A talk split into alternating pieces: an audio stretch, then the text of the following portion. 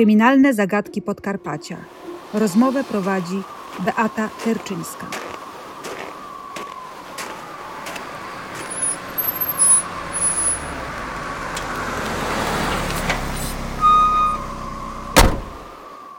To była jedna z najgłośniejszych zbrodni okresu PRL-u. Doszło do niej w noc wigilijną 1976 roku na szosie z Połańca do Zrębin. Kto przygotował demoniczny plan? Dlaczego została zawarta zmowa milczenia i trwa do dziś? Zapraszam do wysłuchania rozmowy z profesorem Czesławem Kłakiem, karnistą, sędzią Trybunału Stanu. Panie profesorze, spróbujmy odtworzyć y, przebieg wydarzeń z grudnia 1976 roku z terenu byłego województwa tarnobrzeskiego. E, Jest wigilijny wieczór. Grupa mieszkańców ze wsi Zrębin jedzie wynajętymi autokarami PKS-u y, do Połańca na pasterkę. Wśród nich są osoby, które zamierzają popełnić straszliwą zbrodnię. Proszę przypomnieć, dlaczego wkrótce mają zginąć trzy młode osoby.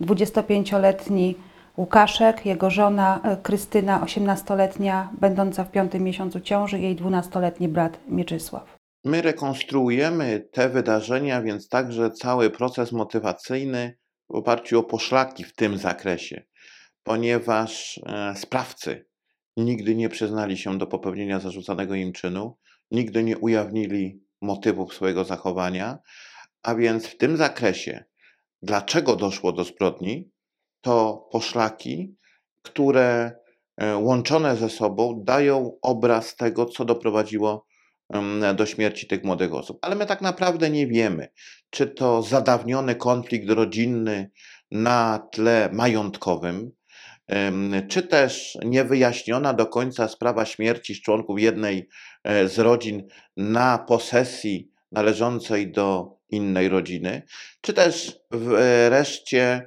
kwestia wydawałoby się błaha, No bo właśnie mamy po jednej stronie rodzinę Kalitów, czyli ta 18-letnia dziewczyna, jej 12-letni brat z domu Kalita, a po drugiej stronie rodzinę Sojdy. Kim był Jan Sojda? To, jakbyśmy dzisiaj powiedzieli, taki miejscowy przywódca. Osoba majętna, no, na przykład posiadająca traktor, a to w tamtych czasach było coś, ponieważ dzięki temu em, zarobkował, e, dzięki temu również był atrakcyjny dla mieszkańców tej miejscowości, którzy potrzebowali po prostu jego pomocy. Oni w jakiejś mierze byli od niego zależni, zależni od tych usług, które on świadczył. Po drugie, to był człowiek charyzmatyczny, aczkolwiek niewykształcony. E, Człowiek, który był przez wiele lat ławnikiem sądowym, a więc w odczuciu społecznym był kimś. Nie było łatwo zostać ławnikiem sądowym, a on był przez wiele lat. To w odczuciu społecznym oznaczało, że cieszy się zaufaniem, że ma wpływy, znajomości, e, że jest osobą, którą, z którą liczą się sędziowie, prokuratorzy, policjanci. W związku z tym on w tej miejscowej społeczności, bardzo hermetycznej, uchodził za kogoś znacznego, mogącego bardzo dużo. Zresztą podejmował różne zachowania, na przykład angażował się bardzo w odkup zboża, miał e, kontakty w urzędach. e, W związku z tym, e, gdy zwracano się do niego z prośbą, a on pomagał w różnych drobnych życiowych sprawach, to wychodziło na to, że jest niezastąpiony, że jeżeli on się czymś nie zajmie, to tego nie będzie. W związku z tym była to osoba znaczna w tej miejscowości, osoba, która w takim odczuciu społecznym dużo mogła. No ale czym naraziła się mu ta e, rodzina Kalitów, temu królowi z Rębin?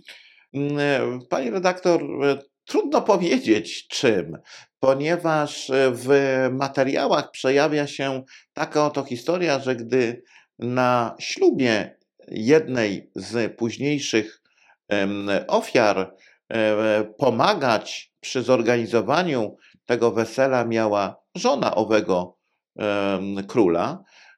Żona czy szwagierka? Żona. Em, To zresztą tam w ogóle cała rodzina w- miała pomagać, natomiast taką aktywną rolę odgrywała, odgrywała żona, która to wszystko zorganizowała. To miało dojść do kradzieży produktów gastronomicznych. Kradzieży czy przywłaszczenia to nigdy nie było przedmiotem żadnego badania, nikt nigdy tego nie zgłosił do organów ścigania. Nie ma przynajmniej śladu po tym, żeby w tym em, się zajmowały organy ścigania. Pojawia się też postać em, w szwagierki, e, która też miała pomagać i miała brać udział w, tym, w tej akcji przywłaszczenia tych, tych produktów, ale tak na dobrą sprawę my nie wiemy, czy coś takiego w ogóle miało miejsce. Też e, nie wiemy, kto ostatecznie taką informację zaczął rozpowszechniać, bowiem em, bardzo różne wersje tu były brane pod uwagę. W moim przekonaniu to chyba byłoby za mało, e, żeby doszło do takiej zbrodni. E, ten motyw bardziej został wykreowany przez film, który e, odzwierciedla przebieg tego zdarzenia i tam rzeczywiście kradzież wędlin jest wskazana jako e, to tło całej tej zbrodni. W moim przekonaniu to za mało. I Sojdaj miał się wtedy zbuntować, że nikt nie będzie pluł na moją rodzinę i obrażał i nazywał złodziejami. E, Tak, aczkolwiek e, tak z kryminologicznego punktu widzenia, to jednak jest trochę za mało.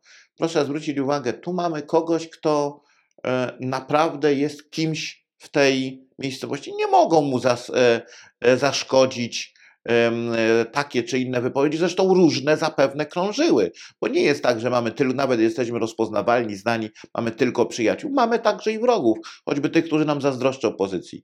Tam tło musiało być jakieś większe, poważniejsze. Niestety, nie w pierwszych tygodniach, miesiącach śledztwa nie podjęto próby wyjaśnienia rzeczywistego tła zbrodni. No właśnie, ale wróćmy jeszcze do tego wigilijnego wieczoru. Co tam się wydarzyło? Mamy pasterkę, praktycznie cała miejscowość jest na tych, e, bierze udział w tych obrzędach religijnych. Są podstawione autobusy, które przywiozły mieszkańców tej miejscowości na ten właśnie wieczór wigilijny w kościele. No i mamy em, trójkę em, przyszłych ofiar, które nie zostają wpuszczone do tych autobusów. E, W związku z tym muszą wracać pieszo do swojej e, miejscowości. Już jest noc. W tym e, momencie, gdy wyruszyli e, w drodze z kościoła do miejscowości, rusza autobus e, oraz e, samochód e, osobowy. E, No i na drodze dochodzi do tragedii. Może nie warto opowiadać, jakie obrażenia e, doznały ofiary i jak do tego doszło, Ale najpierw podobno potrącony zostaje ten najmłodszy. ale wyobraźmy sobie sytuację taką, że można bardzo ogólnie powiedzieć, że autobus stał się narzędziem zbrodni, został wykorzystany do rozjechania e, ofiar, a e, następnie wykorzystano klucz, ciężki klucz do kół, aby dobić e, jedną z ofiar. To pokazuje skalę, Okrucieństwa. skalę okrucieństwa, skalę brutalności, ale także e, pewien demoniczny plan. Otóż, e, skoro autobus potrąca, to obrażenia będą wypadkowe. W związku z tym można stworzyć fałszywy obraz tego czynu. Nie zabójstwo, tylko wypadek komunikacyjny spowodowany prawdopodobnie przez nietrzeźwego kierowcę. Autobus zostaje porzucony w rowie, nie ma em, nikogo za kierownicą. E, sprawcą może być każdy. Pojawia się wersja, że autobus został skradziony, nie wiadomo kto, nie wiadomo dlaczego. Zbrodnia e, w zasadzie idealna, aczkolwiek nie ma idealnych zbrodni. Mhm. A czy próbowano też upozorować gwałt na tej młodej dziewczynie?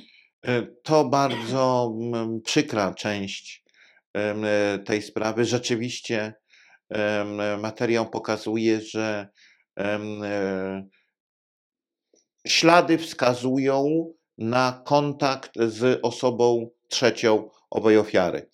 My dzisiaj nie jesteśmy w stanie stwierdzić, czy rzeczywiście doszło do gwałtu. Śledztwo tego nie potwierdziło. e, czy też była to jedynie manipulacja mająca na celu jeszcze bardziej zaciemnienie obrazu tej sytuacji. Dlaczego mówię, że nie wiemy tego na pewno?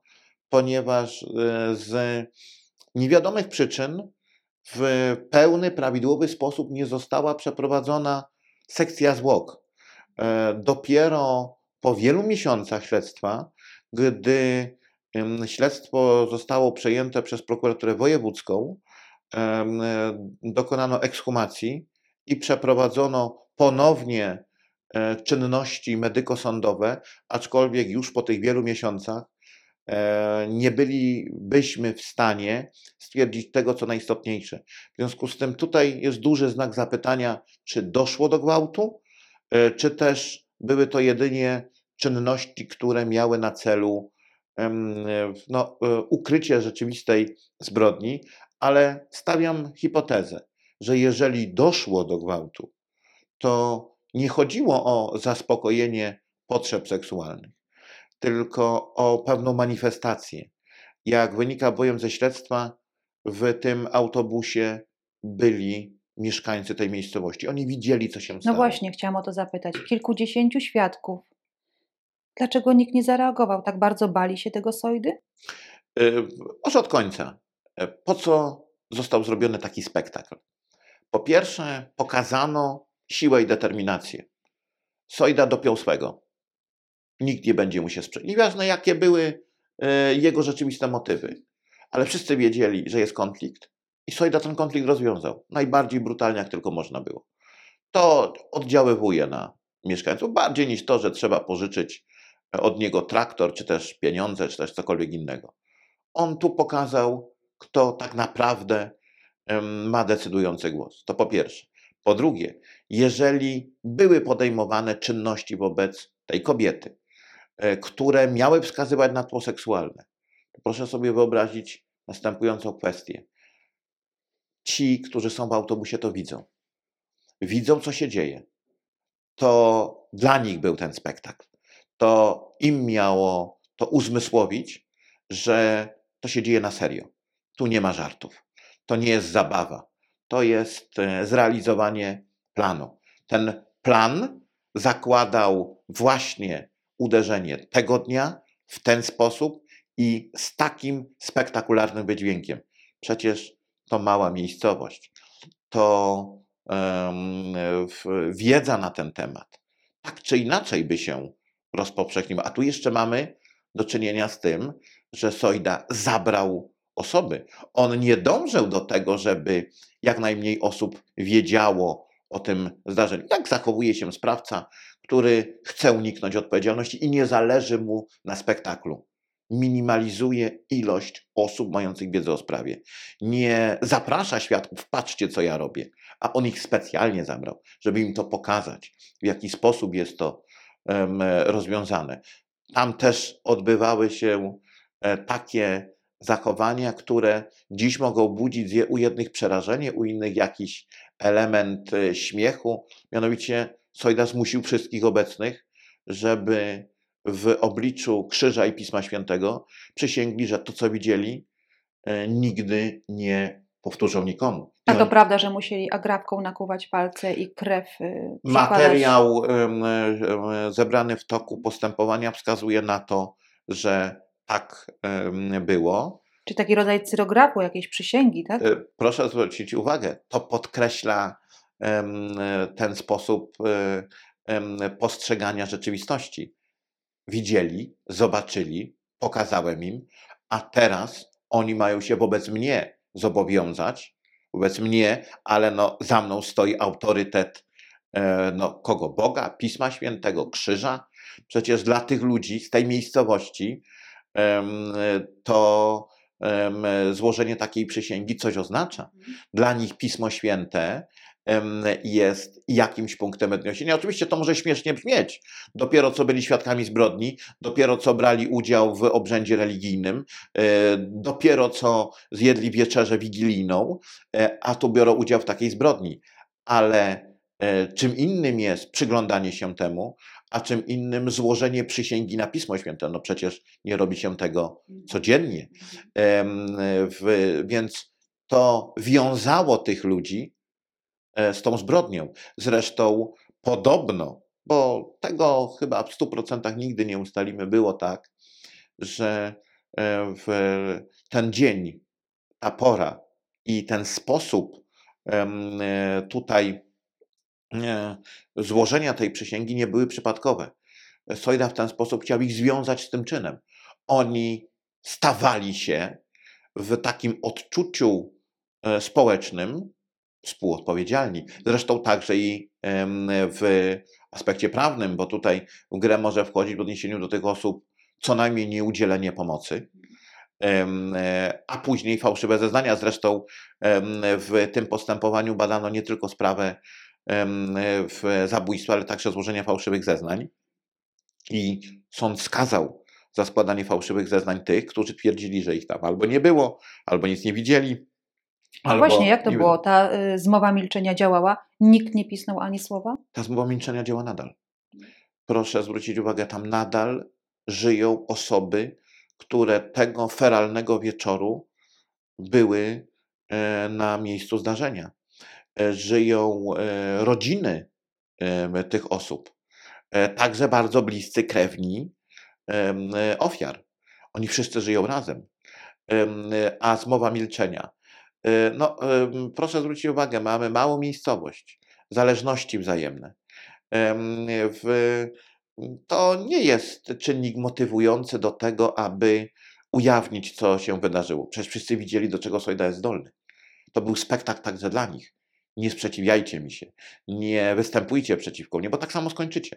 Więc to, co ci ludzie zobaczyli, było wystarczająco dla nich przestrogą, żeby nie współpracować z wymiarem sprawiedliwości. Zresztą no, na początku tego śledztwa nie było chyba woli dokładnego wyjaśnienia okoliczności zdarzenia, bowiem na szczeblu prokuratury rejonowej, gdy było prowadzone postępowanie, pojawiały się informacje, które należało bardziej e, dokładnie zweryfikować, e, a nie było to weryfikowane. Czyli w jakiejś mierze ten aparat ścigania zawiódł. Natomiast e, w pewnym momencie sprawa nabiera przyspieszenia. Pytanie dlaczego? Wersja filmowa pokazuje determinację rodzin w wyjaśnieniu tej sprawy. W moim przekonaniu, uwzględniając realia, to przecież końcówka lat 70., nie byłoby możliwe wyjaśnienie tej zbrodni, gdyby czynnik polityczny nie był zainteresowany. Czyli w pewnym momencie pojawiło się przyzwolenie polityczne na to, aby tę sprawę dokładnie wyjaśnić. Sojna i inne osoby uwikłane w tę zbrodnię zostaje zatrzymany, następnie tymczasowo aresztowany i skazany. Tutaj aparat wymiaru sprawiedliwości już na tym etapie zadziałał sprawnie. Można nawet powiedzieć, że bardzo sprawnie. Aż dziw bierze, że tak sprawnie. Czyli sprawa w jakiejś mierze stała się sprawą medialną, jak na e, owe czasy, publiczną, e, ciążyła władzy. E, No, władza ludowa, zwłaszcza w tamtym czasie, bardzo bała się tego, że nie zapanuje nad emocjami społecznymi. Pamiętajmy, że tutaj też wydarzenia polityczne, to jest co przecież lata 70., to jest po grudniu 70 roku, po wydarzeniach roku 76, em, w związku z tym władza bardzo boi się napięć społecznych.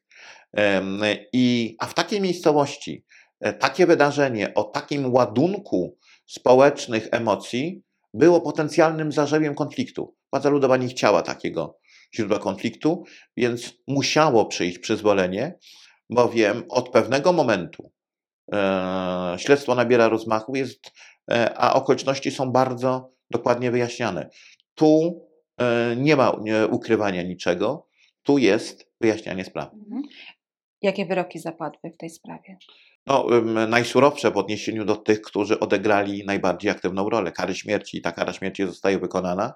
Kto otrzymał karę śmierci? Jan Sojda i I e, osoba jemu naj, e, dla niego najbliższa, która brała e, aktywny udział w tym wszystkim, jego szwagier. Józef Adaś. Tak, w związku z tym można powiedzieć, to była zbrodnia rodzinna, dokonana na oczach całej miejscowości, a wyrok jak na ówczesne czasy był e, adekwatny do stwierdzonego czynu. E, W tamtych czasach e, za tego typu zachowania orzekano i wykonywano karę śmierci. E, To też myślę e, było w dużej mierze na rękę władzy, ponieważ władza pokazała, że rozliczyła zbrodnie. E, A tak na dobrą sprawę rozliczyła tylko tych, którzy dopuścili się tej zbrodni, natomiast nadal wiele jest pytań i wątpliwości. Pytanie podstawowe jest takie, czy wszyscy ci, którzy brali udział w tej zbrodni, zostali skazani, choćby e, za e, pomocnictwo czy współsprawstwo. Mam takie wrażenie, że tam jeszcze dużo okoliczności jest niewyjaśnionych, a na pewno nie jest wyjaśniona podstawowa dla mnie, jako dla prawnika, kwestia. Dlaczego doszło do zaniedbań na, etap, na pierwszym etapie śledztwa? Dlaczego miejscowa milicja nie była zainteresowana wyjaśnieniem zbrodni? Kto za tym stał? E, Za tym, że milicja nie była zainteresowana. Sam Jan Sojda jednak mimo wszystko nie byłby zdolny do e, takiego oddziaływania. Może zatem em, było tak, że łączyły go jakieś relacje i ci, którzy mieli z nim te relacje, nie byli zainteresowani w tym, żeby ponieść odpowiedzialność. Czyli mogło być tak, że wpływowym osobom z tamtego terenu zależało, żeby Sojda za te zbrodnie nie odpowiedział, bo zawsze jest ryzyko, że pod groźbą kary śmierci za tę rzeczywistą zbrodnię mógłby ujawnić okoliczności kompromitujące innych. Sojda tego nie zrobił. W materiałach śledztwa nie ma żadnego śladu, aby Sojda ujawnił kogokolwiek, czy jakiekolwiek inne nieprawidłowości, czy jakiekolwiek inne zachowania przestępcze jemu nie zarzucone i nie badane em, w tej sprawie. To nie koniec. Dr Arkadiusz Szajna, kierownik Laboratorium Badań Wariograficznych z Wyższej Szkoły Zarządzania Ochroną Pracy w Katowicach, wyjaśni pewne kryminalne zagadki. Proszę Państwa, czy istnieje zbrodnia doskonała? Można rzec, że zbrodnia doskonała to taka, która narodziła się w czyjejś głowie i nigdy nie została zrealizowana. Teoretycznie nie ma więc zbrodni doskonałej. Jednak bywają takie zabójstwa, gdzie nie ma praktycznie nic. Nawet jeśli uzyskalibyśmy informację, kto jest sprawcą, dalej może stać przed nami mur. Bo jak? Jak udowodnić takiemu człowiekowi winę? Jednakże, jak było w tak zwanej sprawie Połanieckiej? Minęło wiele lat, a nawet dzisiaj jest nam trudno uwierzyć, że taka zbrodnia mogła w ogóle mieć miejsce w naszym kraju. Ta sprawa elektryzuje, szokuje z uwagi na potrójne zabójstwo, ale również, że miało ono miejsce na oczach, jak dobrze pamiętam, około 30 świadków. Liczni milczeli lub kłamali. Ktoś zapyta, dlaczego? Przyjęto od świadków, drodzy Państwo, przysięgi milczenia. Znaczyli dokument własną krwią i całowali przy tym krzyż. Po jej e, złożeniu do- dostawali jeszcze pieniądze.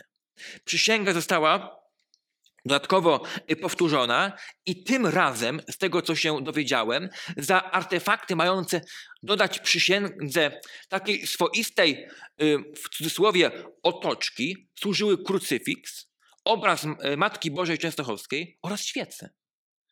Ten, można by rzec, specyficzny konglomerat strachu, obrzędów i dodatkowo jakichś rodzinno-społecznych relacji, czy to związków, okazał się na jakiś czas dość skuteczny. Świadkowie nie chcieli zeznawać, nawet przed sądem, ale po pewnym czasie po podjęciu stosownych działań ich zmowa milczenia została złamana.